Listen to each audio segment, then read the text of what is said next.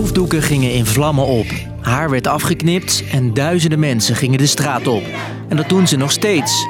Al drie maanden zijn er in Iran historische protesten bezig tegen de regering daar. People are angry and they want a total regime change. And they will not stop until that happens. Maar dat regime slaat terug, hard. Demonstranten krijgen nu de doodstraf. De executies zijn geen executies zonder goede eh, rechtbanken, maar het zijn staatsmoorden. Ze geven dus hun leven voor de protesten. Maar wat leveren ze op? Ik, Jasper, leg het je de komende minuten uit. Lang verhaal kort. Een podcast van NOS op 3 en 3FM. Het begon allemaal drie maanden geleden. Masha Amini, een jonge vrouw, wordt opgepakt door de moraalpolitie. Ze vinden dat ze haar hoofddoek niet goed draagt. Masha moet mee naar het bureau. Een paar dagen later overlijdt ze. Door politiegeweld, vermoeden veel mensen. En zij gaan boos de straat op. Maar haar dood is een vonkje voor veel grotere protesten. It showcases the level of public anger. People are just fed up. They're angry for so many reasons. Rising poverty, soaring inflation, crushing sanctions on top of government repression. Er is ontevredenheid over het hele regime. Dat ziet ook Iran-deskundige Damon Goric. Het gaat echt om datgene wat heel erg inherent is aan mens zijn, oftewel roep naar vrijheid. Hij vluchtte als kind uit het land en houdt zich veel bezig met de protesten daar. Loskomen van een dictatuur, van een totalitaire islamitische staat, van oude mannen met baard die dus vrouwen willen onderdrukken en jongeren willen ophangen omdat ze dus niet willen luisteren naar deze oude mannen. Ja, jongeren ophangen. Hoe is het zover gekomen? Vanaf het eerste moment proberen Iraanse veiligheidstroepen de protesten de kop in te drukken. Ze pakken duizenden mensen op en er vallen honderden doden.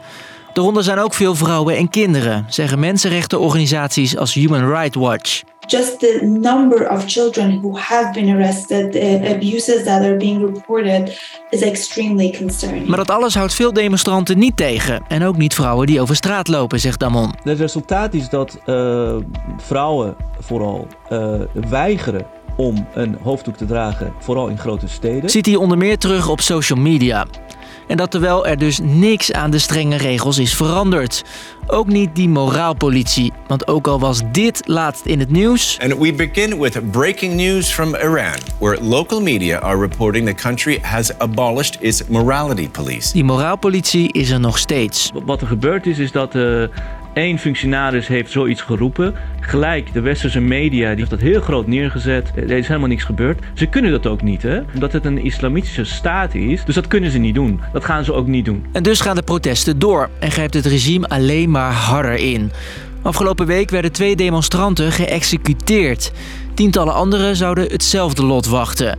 En dat zonder eerlijk proces, zegt Human Rights Watch. There is something extraordinarily unfair about these trials. The speed of the appeal and proceeding is, is beyond what we've ever seen. Maar ook die executies zorgen er nog niet voor dat mensen thuis blijven, zegt Amon. Toen uh, een van de jonge mensen werd geëxecuteerd, opgehangen, midden in de straat en dit nieuws kwam naar buiten, zag ik een video van een vrouw die op, midden op straat aan het lopen was, zonder hoofddoek. En ze deed alsof ze dan aan een galg hing. Er is weinig angst meer. Dat betekent ook dat de bevolking toch wel sterker is nu uh, dan bijvoorbeeld een maand of twee geleden. We stand with the citizens and brave women of Iran. Westerse landen keuren het geweld tegen de demonstranten af en komen met maatregelen. Met sancties hopen ze het regime onder druk te zetten. Een aantal Iraanse leiders mag de EU niet meer inreizen en ze kunnen niet meer bij hun bezittingen hier.